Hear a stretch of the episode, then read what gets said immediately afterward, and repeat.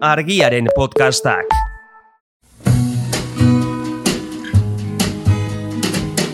Don't know much about history. Don't know much biology. Don't know much Hau, oroimen histerikoa da. Historia diren istorioek txoratzen gaituztenon podcasta. But I do know that I love you. And I know that if you love this would be. Ego berri hon lagunak, kaizo nagore eta epunto horatzean deserrian e, gaur siesta kolektibo egitera gatoz, oroimen histerikoaren uin binario hauetan, gaur itzin behar dugulako, bizitzan dagoen plazer handienetako batez, lo, lo, lo, lo, lo Bai. egiteaz. Hori da, lo egiteaz, eta ia sani aditua ez dakit, baina aritua naiz, Bai, bai, bai. ez dakizu, Hoi goitura dakate egunero egitea. bai, baina nik asko eta ondo. Gutxita sarri zagardo bezala ez, aldo Ez. Ba, bueno, e, gaiarekin hasteko Bai. Londresera jungo gera, Osondo. eta amazazpigarren mendean, ez? Agar, amazazpigarren mendean, e, iriko artxibotako dokumento kriminaletan, e, loari buruzko hainbat referentzia agertzen dira, eta agertzen dira e, e, referentzia bitxiak. Lehen loaldia eta bigarren loaldia aipatzen da. Eta baita ere, tarteko esnaldi hortan, bazer egiten zuten ere deskribatzen da dokumentu horietan.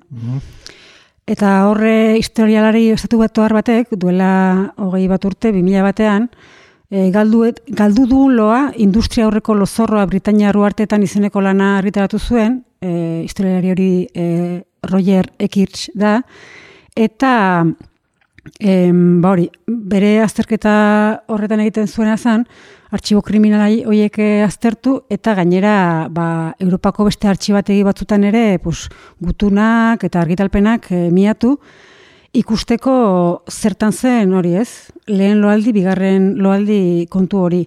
Eta ondorio estatu zuen, aro modernoko Europan lo bifasikoa deritzona e, Hala. nagusi zela.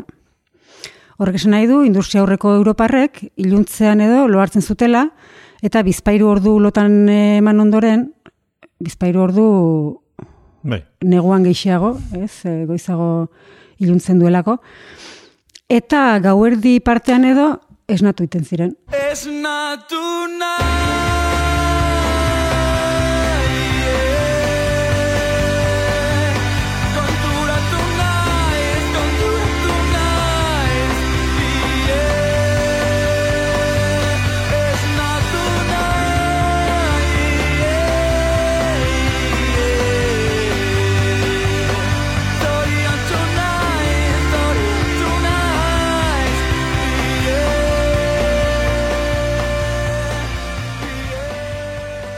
Nik eh, entxufe trifasiko edo bifasikoa ezagutzen nuen, eh, adibidez, osakietzako posaketetan ikusi dugunez, baina eh, lo bifasikoa ez. Eta hori da Eta dakaguna. alkoldun edari bat ere ez da trifasikoa o bifasikoa edo? Hori ere badu? Nik uste dut baietz. Ez dakit. Bueno, eh, hortan ez naiz aditua, eh? Ez, Ez, ez. aditu edo aritua. Ez, ez aritua gutxi. Bai. Bueno, esan dugu orduan, e, e, gauerdi inguruan edo esnatzen e, zirela, eta orduan zer egite zuten. Ba, batzuk oean geratzen ziren, batzuk otoitzean, beste Hmm. batzuk sexu harremanak izaten, beste batzuk e, pues, hausnartzen, edo, Bai, gauza horiek. hori da. Hmm. Eta beste batzuk jeiki izen ziren, eta etxeko lanetan aritzen ziren, edo, edo bizilagunekin izketan, eta artxibo kriminalak aipatu ditugu, ba hori, azkenean, e, ez, esnaldi hori askok e, aprobetxatzen zute- zutelako, ba, lapurretarako, edo Da, normal zein guzu, ba. Hori da. Han espertuta hoean, ba, hori da. alboko horren gana junta. Orduan, e, ekirtxe egin zuena zen, gaia pixka bat aztertu eta pentsatu, nu, ez, e, nundik etorzitekeen hori. Eta pentsatu zuen agian, e, erdierotik e, zetorrela eta kristautasunean zeukala jatorria, ez? Ba, sigarren mendean, San Benitok e, gau erdian, otoitzerako esnatzea behartu, behartzen zituen monjeak, ez? Eta beneditarren ohitura hori, pues, e, gizarte osora zabaldu zela. Baina, e, egile klasikoak ere begiratu zituen eta konturatu zen, pues, adibidez Tito Livio edo Plutarko edo Homero ere aipatzen dutela, ba hori, lo zatitu hori, ez? E, Bifasiko zirela. hori da, hori da. Eta gainera, gaur egun isolatuta bizi diren eta argi artifizialik ez duten hainbat komunitatetan, oraindik ere bialditan egiten omen dutelo. Bueno, Euskaldunok ere gara hortan, eh? Aintzindariek ez, Euskal Herria mundura egin duen ekarpen handienetako bat da gau pasa. Bai. Gau pasan ondoren zenbat eh, fasetan egiten zulo, ez? Mm. Jan, lo, dutxatu, lo, Komunera bisitaren bat. hori da, bai. kakata pisa egin lo. Bueno, agian Homero, Homero ere hemen di pasa zen. Ez dakit ba. bueno, kontua da, azkenean eh, ondorioa da, lobi fasikoa historia horreti datorrela, ez? Eta hori dela Mhm. gure lo naturala esango genuke. Eta gainera, e, teoria hori edo e, berresteko, bueno, berez lehenago izan zen, mila betzirun dela logita marreko amarkadan, e, estatu batuetan Marylanden esperimentu bat e, egin zuten, Thomas Weir izeneko psikiatrak, e, historia horreko lo baldintza horiek e, jarri zizkien hainbat subjekturi eta eta gratu zena zen aste gutxiren buruan denak joera e, denak edo gehiene behintzat e, loaldi zatiturako joera hartu zutela. Osea, hori, eh, azterketa hori eta gero, gehienek aukeratu zutela, mm, bitxan datan loitea. Hori da. Hola. Bai. Baino, zer gertatu zen e, lo modu hori, ez? Hmm. E, Naturala omen zana, bai, hori baztertzeko artifiziala etorriko zitean gainetik. industrializazioa. Nolas, ba. Jaingoikoren ostean, orain eh, industria. Bai, eta zehazki argi artifizialak, ez? Edo, hobesan da, e, industrializazioak inposatu zuena, argita, argi artifizialak e, albidetu zuen. Eta, eta gau, industriak eskatzezun, e, langileen ordutegiak e, zorrotzak izatea eta sinkronizatzea. Ondo fitxatu. Bai. Orduan, azkenean, egintzen zen, beste dena bezala, denbora monetizatu egin zen, ez? Hmm. Eta, lanean e, produzitzeaz gain, aixialdian edo ere, ez, kontsumitu egin bertzuen. Hau da, lan eta kontsumitu. Eta ordalako kalean egon bertzen nuen. Ordu jakin batzutan. Hori da, orduan ja, bos, amazazpi, emezortzi garren mendearen e, erdialdetik ja, ez, kale argiak hasi ziren e, Europako hirietan, eta pixkanaka, ba, lobi fasikoa desagertzen juntzen. Bueno, aldi potoloak, eh, dazkagu. Ez dakit oso potoloak diren, bakarra bintzat. E, aldunak, behintzat jar, jarraian. Ni bitu ni Argentinan bizi nintzela, iparraldeko herri txiki batean egon ginen, tan erdi okupatua hipien garaian, eta ere legez, bueno, legez, haiek erabakita, argiteri guztia kenduta zekaten eta daukatela oraindik ere uste dut. Eta zer egiten zuten tarte hortan? Ben, ikuste izarrak ikusteko zala. Ba, begira, Ez alda ederra. oso ederra. Hemen, privilegio hori galduta akau, Bai. iritarrok. Eta badira mediku asko edo profesional asko esaten dutena hori dela berez e, osasungarriena, ez? Lobi fasiko hori naturalna e, delako. Baina egia da gizarte honetan esan behar nuen e, ezinezkoa dela, ez? Hmm. Hortara izutzea, baina bueno, zu jarri diazun adibidearekin esperantza pixka badago.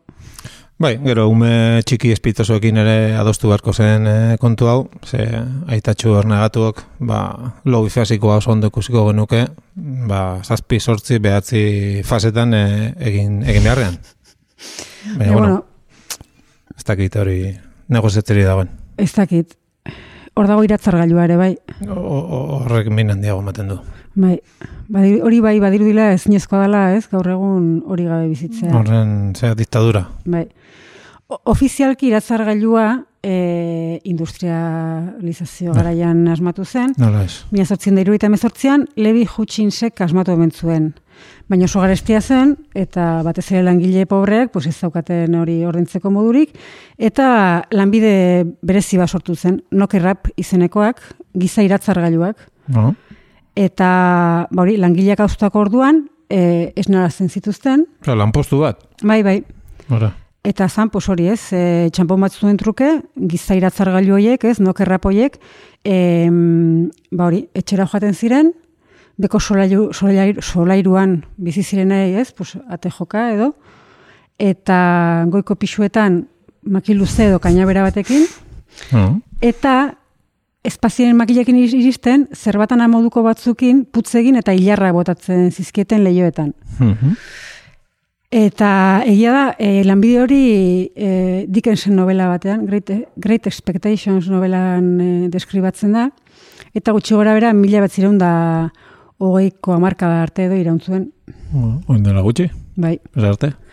Baina hori ez zuten asmatu ingelesek. Gurean adibidez, arrantzaleak esnatzeko ere... Hori ere gure alda. Bai, no, gurea ez bakarrik ez, eh? Ah, Gurean dei itxekoak, dei egitekoak, esaten zitzaien, baino beste herrialde arrantzale batzutan ere em, Andaluzian adibidez, llamadorak, uh o llamadoreak ziren. Euskal Herriko berrizgarria da, Hemen Eh, seguro gozo-gozo egiten eh, genula, ez? Ez, natu hai! Oh. ikusiko Esther, baino emakumeak izaten ziren. Ah. Eta adibidez, eh, badakigu lekeition, garai batean, e, irurogeiti gora dei egiteko zeudela, Irurogei, lagun, herritarrak esnarazteko. herritarrak ez, arrantzaleak konkretuki. Osea, gizonak, Bai. lanera juteko. Hori da. Ara. Eta e, gero, ba, telefonoa etorri zenean, desagertzen ziren, eta de, telefonoa iritsi zenean, herrira, hogeita bost, hogeita sei geratzen omen ziren orain dikan. Bueno, badira batzuk, eh? Bai, kontua da, la, ba, oin dela hogeita mar bat urte edo, hogeita marreko amarkadan, em, egin zutela alegina ohitura hori berreskuratzeko, eta horren ondorioz, urtero San Pedro egunean, deitekuak e, ateratzen dira oraindik.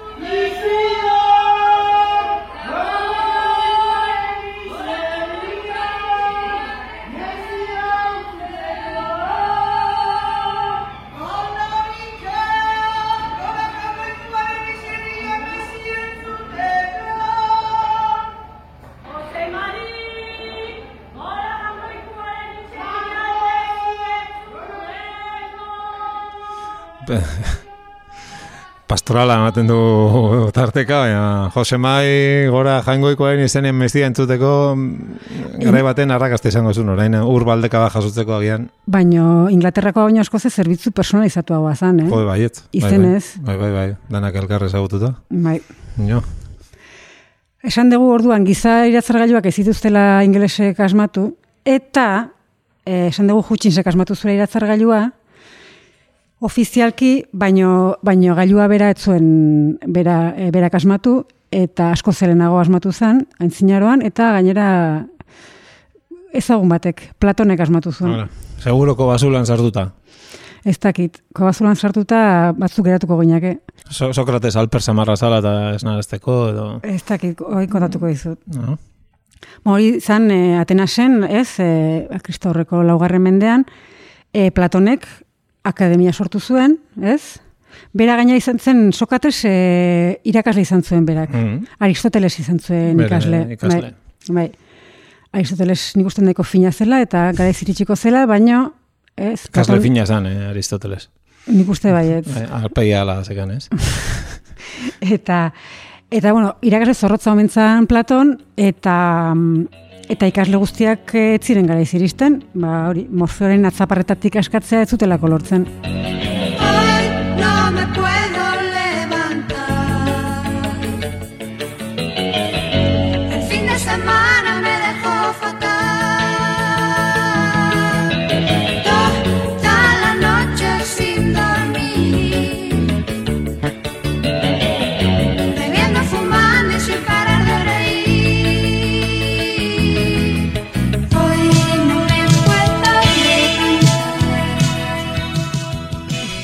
Eraten erretzen eta eh, irri egitari utzi gabe ez dakite Aristoteles, Platon eta haueko lebeliko ziren. Mm, Bueno, Ikasleren bat agian bai. neko horregatu abaz diren. Bere gairako orduan agian. Bo, kontua da hori, garai hortan ja bazeuden erloju batzuk, ez, asmatuta, eguzki erlojua, edo e, klepsidrak. Hoi zer da. E, dator, eta kleptein hitzak lapurtu esan nahi du, eta idorritzak ura, eta beraz, ura lapurtuz de, denbora neurtzen zuen gailu bazan. E, neko mekanismo simplea zan, ontzi bat urez betetzen zuten, eta azpialdean e, zulotxo bat e, egiten zioten. Zulotxotik ura pixkanaka isurtzen zen, ez, jario etengabe eta erregularra, izaten zuen, eta hala ontziko uraren mailak behera egiten zuen gradualki, eta hor markatuta zeuden orduak e, ba hori markatzen zituen. Aresko, aresko erlojoen Bai, aldaera bai, moduko bat. bai, baino likidoa, bai, hori da. Mhm. Eta Platonek egin zuena zen, alarma bat erantzi klepsidrari. Sifoi bat eta zulotxo bat egin zion, eta orduan sifoi horren bidez, e, ba, txistu edo egiten zuen e, gailuak. Ja, zigara txistuekin. Ba, e, teontzietan, ez, e, ura lurruntzean e, egiten Bai, bai. den txistu moduko hori. Pentsatu zuen e, bere gailua hobetzea eta txintxarri batzu gehitzea, Mm. baino e, ikaslez gupidatu zen nonbait eta etzio, etzion ezer erantzi. Berak, baino bai beste batzuk e, asmakizuna hobetu edo egin zutela eta harriak, metalezko bolatxoak Bai. eta horrelakoak ditu Ez dakiz zein zituzten. pernuko zulotik eta zen iratzargailu oiko hori asmatu zuen gupidak, eh, gupidaren misan, misantropiko hori. Ez dakite gizakiarekiko empatia askori duen hori Ez dakit. pentsatu zunak. Neia maitasun platonikoarena pixka bat, gorroto, platonikoa ez gorroto oso fisikoa sentitzen dut. Iratzargailu hostia horiek. Bai, bai, bueno, em, Dira, beste metodo batzuk. hori da, esnatzeko metodo zitzen dugu, baina loartzeko metodoak ere badaude, Hm. oso historikoa direnak, eta ezagunena ardia kontatzea.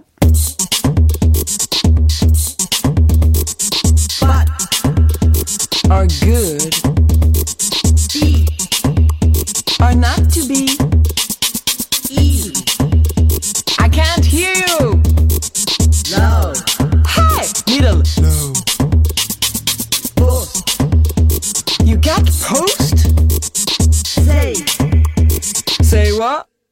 Maite larburuk beste era batera kontatzen du. Berak, eh, musika egiteko era duen gizan. Bai, baina azkenean zenbatzea da kontua, ez? Hori Eta da. ekintza simple, errepikakorra, erritmikoa, eta horrek laguntzen omen du, ba, erlaxatzen eta lo hartzen, ez? Eta azkenean hori, ardiak kontatzea, ez, e, metodo unibertsala da, eta unibertsala da gutxienez, mila sortziren da hogeita mabirako ja, mundu eremu anglosaxoian ja zabaduta zegoelako. Harriet Martino, idazle, soziologo, ekonomista, feminista itzindaria, e, inglesa bera, e, ba, ark urte hortan e, argitaratu zuen e, lan batean, eta aipatze zuen dagoeneko, pos hori metodo hori, ez? E, Martxan Eh, zala. Bai, eta pentsatzekoa da Iberiar penitsulatik eh, zabaldu zela ziurrenik eh, metodo hori, ez? Ardia kontatzearena, Cervantese, konkixoten, beraz, amazazpigarren mendean hasieran, aipatzen baitu ja. Berak ez duitu ardiak kontatzen, Berak, eh, errotak. hauntzak, Ara, hauntzak, baina bueno, berdina da. bai. Eta uste da ere ziurrenik Cervantesek eh, referentzia amabigarren mendeko obra batetik hartu zula, disiplina klerikalis izenekoa, kontakizun bilduma bazan, eta konkretuki e, erregearen eta ipuin kontalariaren pasadizoa kontatzen du, eta pixka bat, orain ez dizuet dena kontatuko, baino Hora gertzen da. hor agertzen da ardia kontatzearena. Eta berez liburu hau da, pixka bat, e, e, ekialdeko ipuingintza, ipuinak, kondairak eta, ez, latinera itzuli, eta beraz, mendebaldera ekarri zituen obra, eta konkretuki erregearen eta ipuin kontalariaren pasadizo hori, em, horreke dauka jatori arra- arabiarra. Nola ez. Zen eta ez uste dute deno geixo lagutxixo garela moroak belain artean. Bai, eta gainera ez da harritzekoa, ze zenbakiak, gaur egun erabiltzen ditugun zenbakiak, e, arabiarrak dira. Mhm. Bueno, arabiarrak eta hinduak ere, eh? Bueno, ez hemengoak. hori da. Dena mendebaldeko zilborretik ez delako jaio. Zorionez. Ba, hola, xe. Esan dugu, batzuk e, lobi fasikoa aldarrikatzen dutela, Bai, nik hemendik aurrera ere bai. nik ere bai, baino haratago eraman edet hori. Eta historia aurreko, lo, oza, historia aurrean atzerago egin nahiko nuke, 2008 batean, e, l'antropologia aldizkarian, e, Juan Luis Arzuaga eta Antonis Bartxokas, paleontologoek, Mhm. e, artikulo berezi bat em, atera zutelako. Eta ze ondori ostatu zuten ba. Bueno, hauek dabiltza, zean, e, ataporkako Ah, bai. arrastoak aztertzen, beraz, duela lareun mila urteko hominidoak, eta em, hominidoien ezurretan, ezaugarri marka lesio berezi batzuk e, topatu zituzten. Eta e, lesio bereizgarri horiek, edo marka bereizgarri horiek, izan dituzte hibernatzen duten nugaztunek. Ez? Pusartzak, xaguzarrek, em, trikuek, Mhm. Eta horiek gizakietan em, ikustean, ondorioztatu zuten, ba, seguraski, ez, e, marka horiek izango zira, e, lehenengo minidoiek ere hibernatzen zutelako. Irakurriko dut, beraiek nola deskribatzen duten hori, Aha. zera, ez, eta da, Hori, duela laraunen mila urteko minidoek, neguotzetan, luzaroan, janarik utxirekin eta gorputzeko gantz erreserbei esker bizirik irauten laguntzen zieten egoera metabolikoak zituztela. Ara. Alegia, negu guztia, lanera joan gabe, kezkatu Ametxetan. gabe, lozorroan, Ja. goxo-goxo, Bueno, hominidoak ez dakit, baina eh, barakaldoko kodriako batzuk eh, gaztetan, lonja barruan, eh, San Miguel eta Playstationarekin hibernatzeko gaiziren lonjatik atea gabe egunak eta egunak. baina hori ez da hibernatzeko modu oso Ez dituzulako, ez dituzulako jen arpeak ikusi. Ba, bueno, nik hori aldarrikatu nahi dut e, logifasikoa, hibernazioa ere zailago ikusten dut, baina irutze zait borroka antikapitalistaren oinarrian egon daitekela. Eta horre, hori ja lortzen baldungo Euskal Astearen aldarrik epanenekin, osea, aste lehena, aste artea eta aste azkena, eta ondoreko lau egunak hibernatzeko, o, bueno, fasetan lo egiteko, eta nahi duguna egiteko. Hori gainerako urtarotan, Bai, hori da. bai, ados. Pues ya, perfecto. Ez dakit, eh, konfebaski ondo irutuko zaion, baina guri bai. Hori guri oso ondo, Hala, hala, ondo izan, eta ondo loin. berdin. Argiaren podcastak. Podcast hau libre eta doan zabaldezakegu argiaren komunitatea osatzen duten milaka lagunek proiektua diruz babesten dutelako. Zuk ere kazetaritza independentea bultzatu nahi baduzu, egin zaitez argiako kide.